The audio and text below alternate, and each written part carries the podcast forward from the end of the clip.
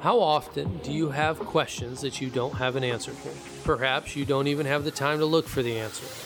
We are a church who believes God is not afraid of your questions, and many times He's the one who puts them in your mind in the first place. This podcast, like our church, is designed to help answer those questions, hear the perspectives of others, and create a space in which we can live, move, and be together. We look forward to sharing our perspectives and trying to answer some bothering questions. We are in the series Make Yourself at Home, and today's question is How can Jesus redeem your past? Welcome to our podcast here at Christian Fellowship in Wilanów. Uh, we are a church that really believes transformation happens in circles, not in rows. And so our church is designed to inspire conversations with God and with others. That's what we are passionate about. We want to see spiritual conversations that are happening between you and God, but also between the relationships that God has surrounded you with. One of the things that we do is create a podcast that helps get us ready for the message that's coming. Uh, each message we have following the service a time of discussion and interaction, and so these podcasts are designed to help inspire those conversations. What I'd like to do is continue our message series that we've been in, Make Yourself at Home.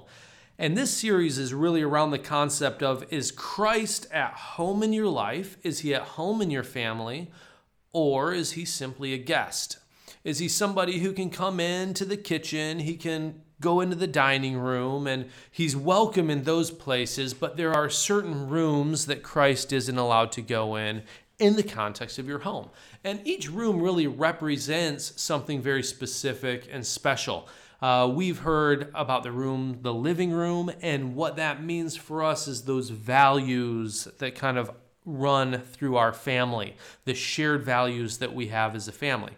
We also talked about the children's room, the way in which we parent. We've talked about the office or the study and the way in which we understand work is honoring to God. We've talked about the garage and hobbies. We've talked about the kitchen and a place of hospitality. So each room has a very special function, a very special focus. And the question is is Christ allowed in each of these rooms? Today, I believe there is no greater room that we tend to keep Christ out than the topic we're going to be talking about. There are there is one room I'm going to tell you in a minute, but I want to create some anticipation, some excitement. What is this room? This room is a room that we keep Christ out of because inside of it many times is hurt. There's things that we haven't dealt with. And this room is our attic. I don't know if you have an attic. Uh, we have an attic in our home. Attics are popular in different places, but if you go into a home and if you were to go upstairs to the attic, sometimes it's upstairs and you might pull down a ladder and climb up into the attic, you're going to find things from the past. And really, there's almost nothing more exciting than going into somebody's attic, uh, like your grandma's. You know, if your grandma has some kind of an attic and you get to rummage around there.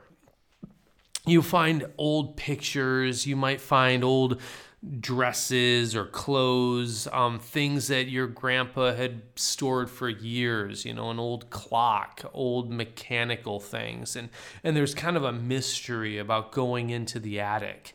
Uh, it's dusty, there's cobwebs all over. There's just these things that you're like, it's almost this mystery that's in there.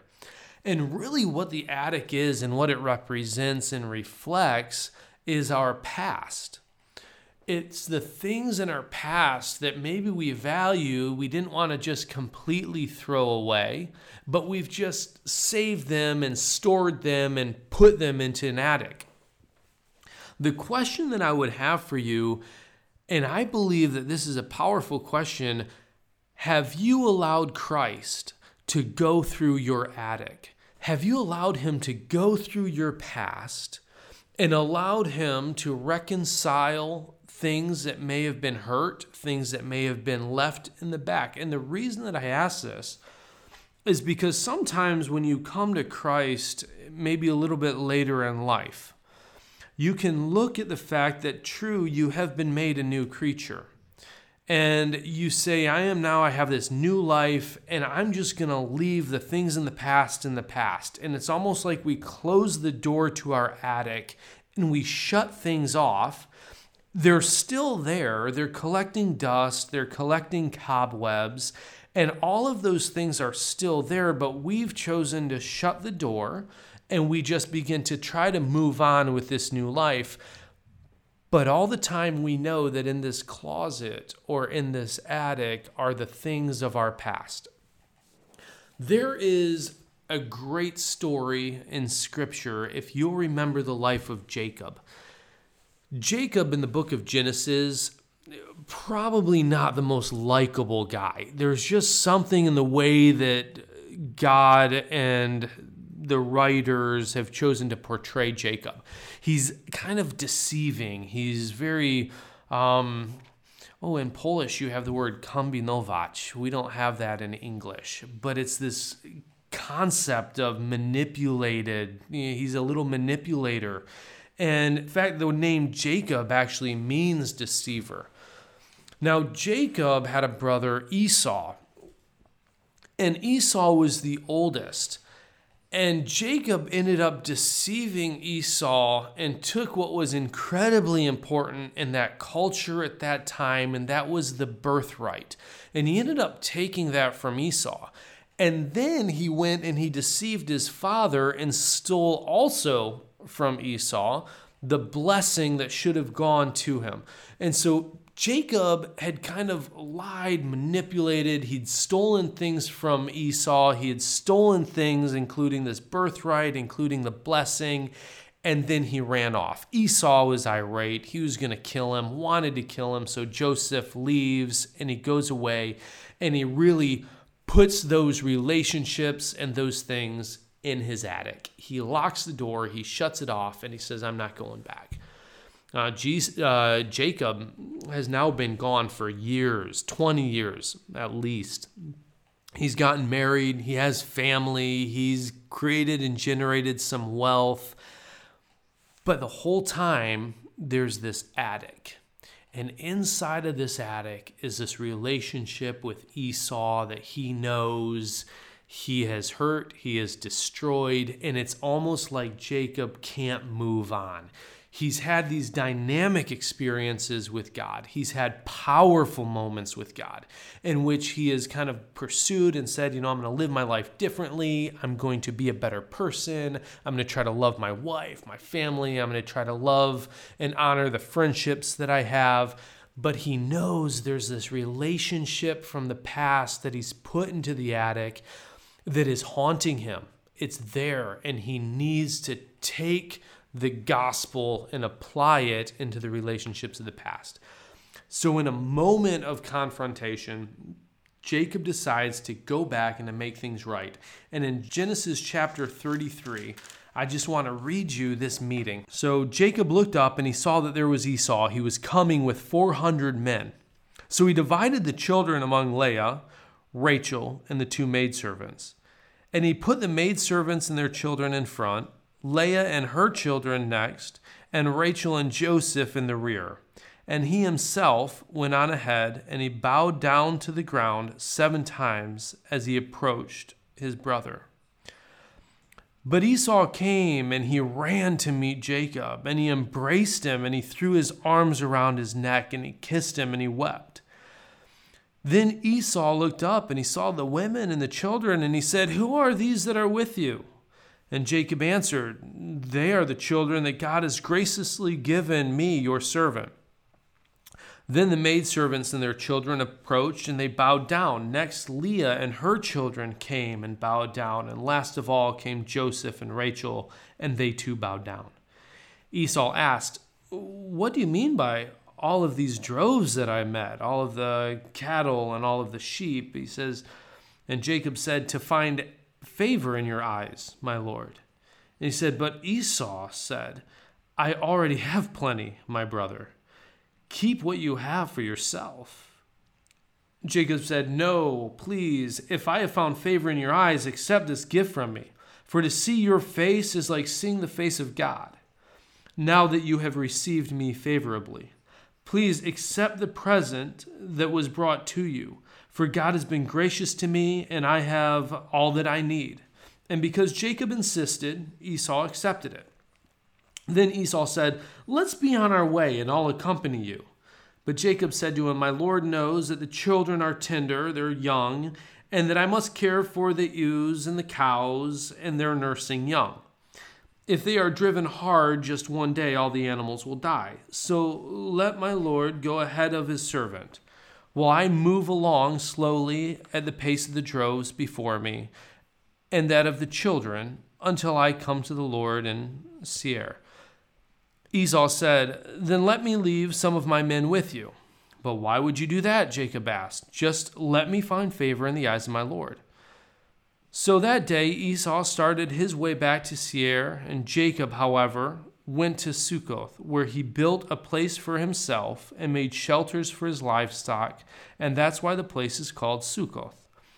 After Jacob came from Padan Aram, he arrived safely at the city of Shechem in Canaan, and Canaan, and he camped within the sight of the city. For a hundred pieces of silver, he bought from the sons of Hamor, the father of Shechem, the plot of the ground where he pitched his tent. There he set up an altar and he called it El Elohe Israel.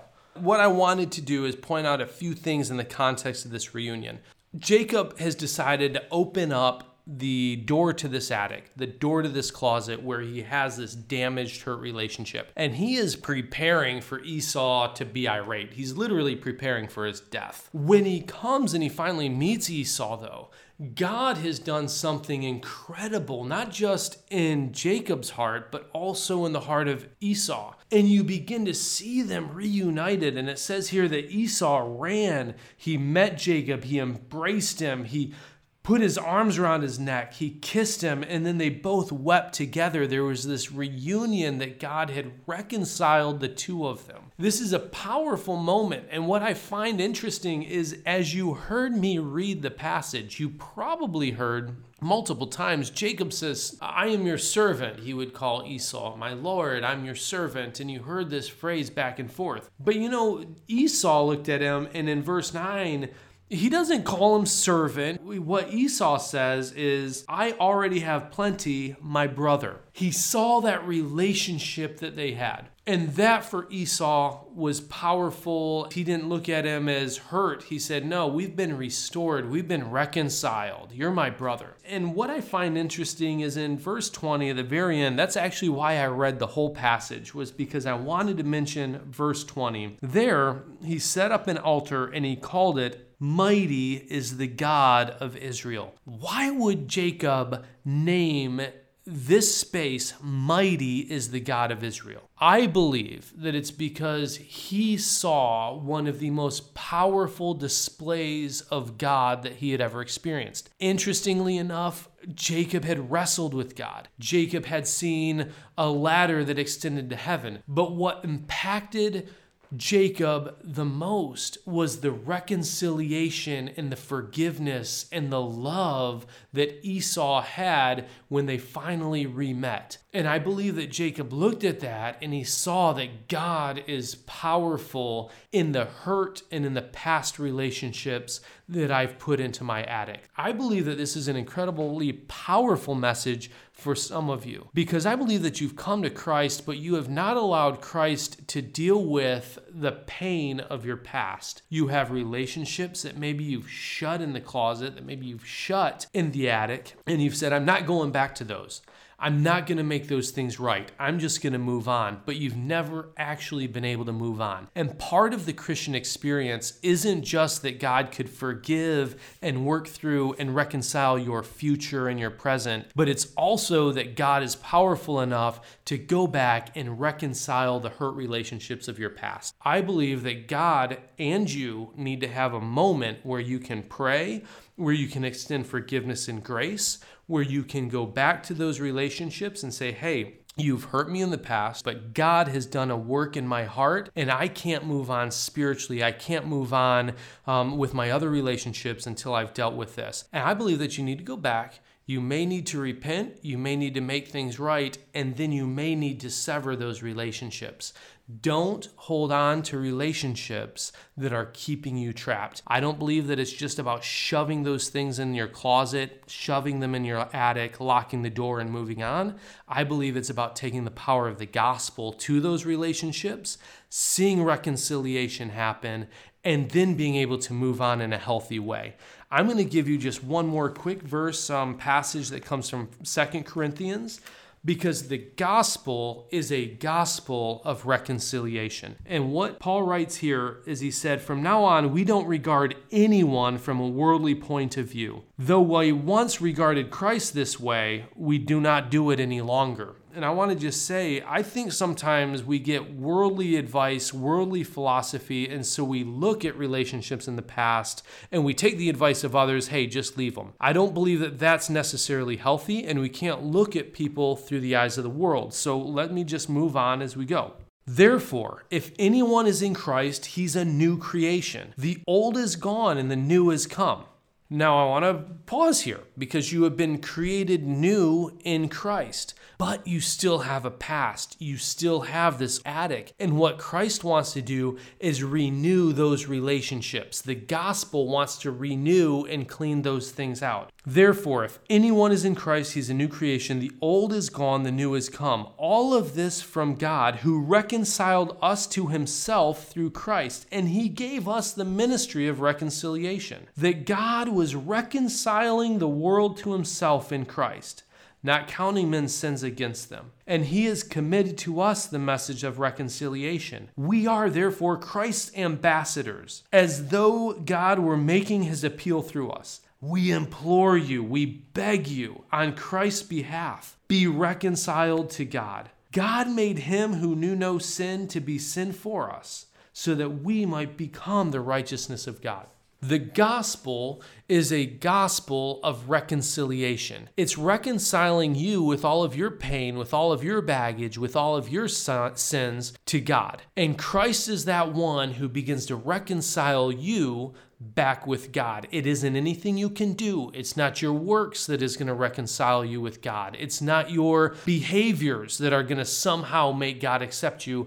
It is only Christ. And so the gospel is the fact that Christ, through his sacrifice and love, has reconciled us with God. I believe that we have then therefore become ambassadors or we have become ministers of this gospel. And what we need to do is take the gospel to our past relationships. We need to reconcile our relationships with others, and we need to help others reconcile their relationships with God. This is the ministry of reconciliation. It's coming alongside of somebody and saying, listen, you have destroyed your relationship with God simply because you have been born in sin and separated from Him. But Christ has come and reconciled them, He has reunited you with God. And it's based on that gospel that you can reconcile and reunite with those that have hurt you. The reconciliation between us and between God, He has brought us back together. Just like Jacob and Esau, God can bring relationships back together. And my challenge for you is this ask yourself this question Who do I need to go back to and be reconciled with? What relationship is hanging over my head that comes back every now and then? Every once in a while, I think about this person, I think about this pain. And my challenge for you name that person and then have the courage through the gospel to go back and reconcile. Go back, extend forgiveness, offer repentance if it's necessary, they don't have to accept it. That person doesn't have to say, okay, you know, we're going to be fine. What you need to do is do it for yourself and for the sake of the gospel. Okay, so that's my challenge for this series, this message that we have coming up on Sunday. We'll dive a little bit deeper into this, but I'm really looking forward to the conversation around the tables so that we can share our own experiences and we can help each other as we go into the attic. Thank you for listening and wrestling with this week's question. Hopefully, you're now asking more questions than you did at the beginning. As always, if you loved it, then like it, subscribe, share it with others. Check us online at schvillano.pl. We would love to have you join us on Sunday mornings at 9:30 to go deeper with this question and to share your own perspectives. So live, move, and be, and never stop sharing your bothering questions.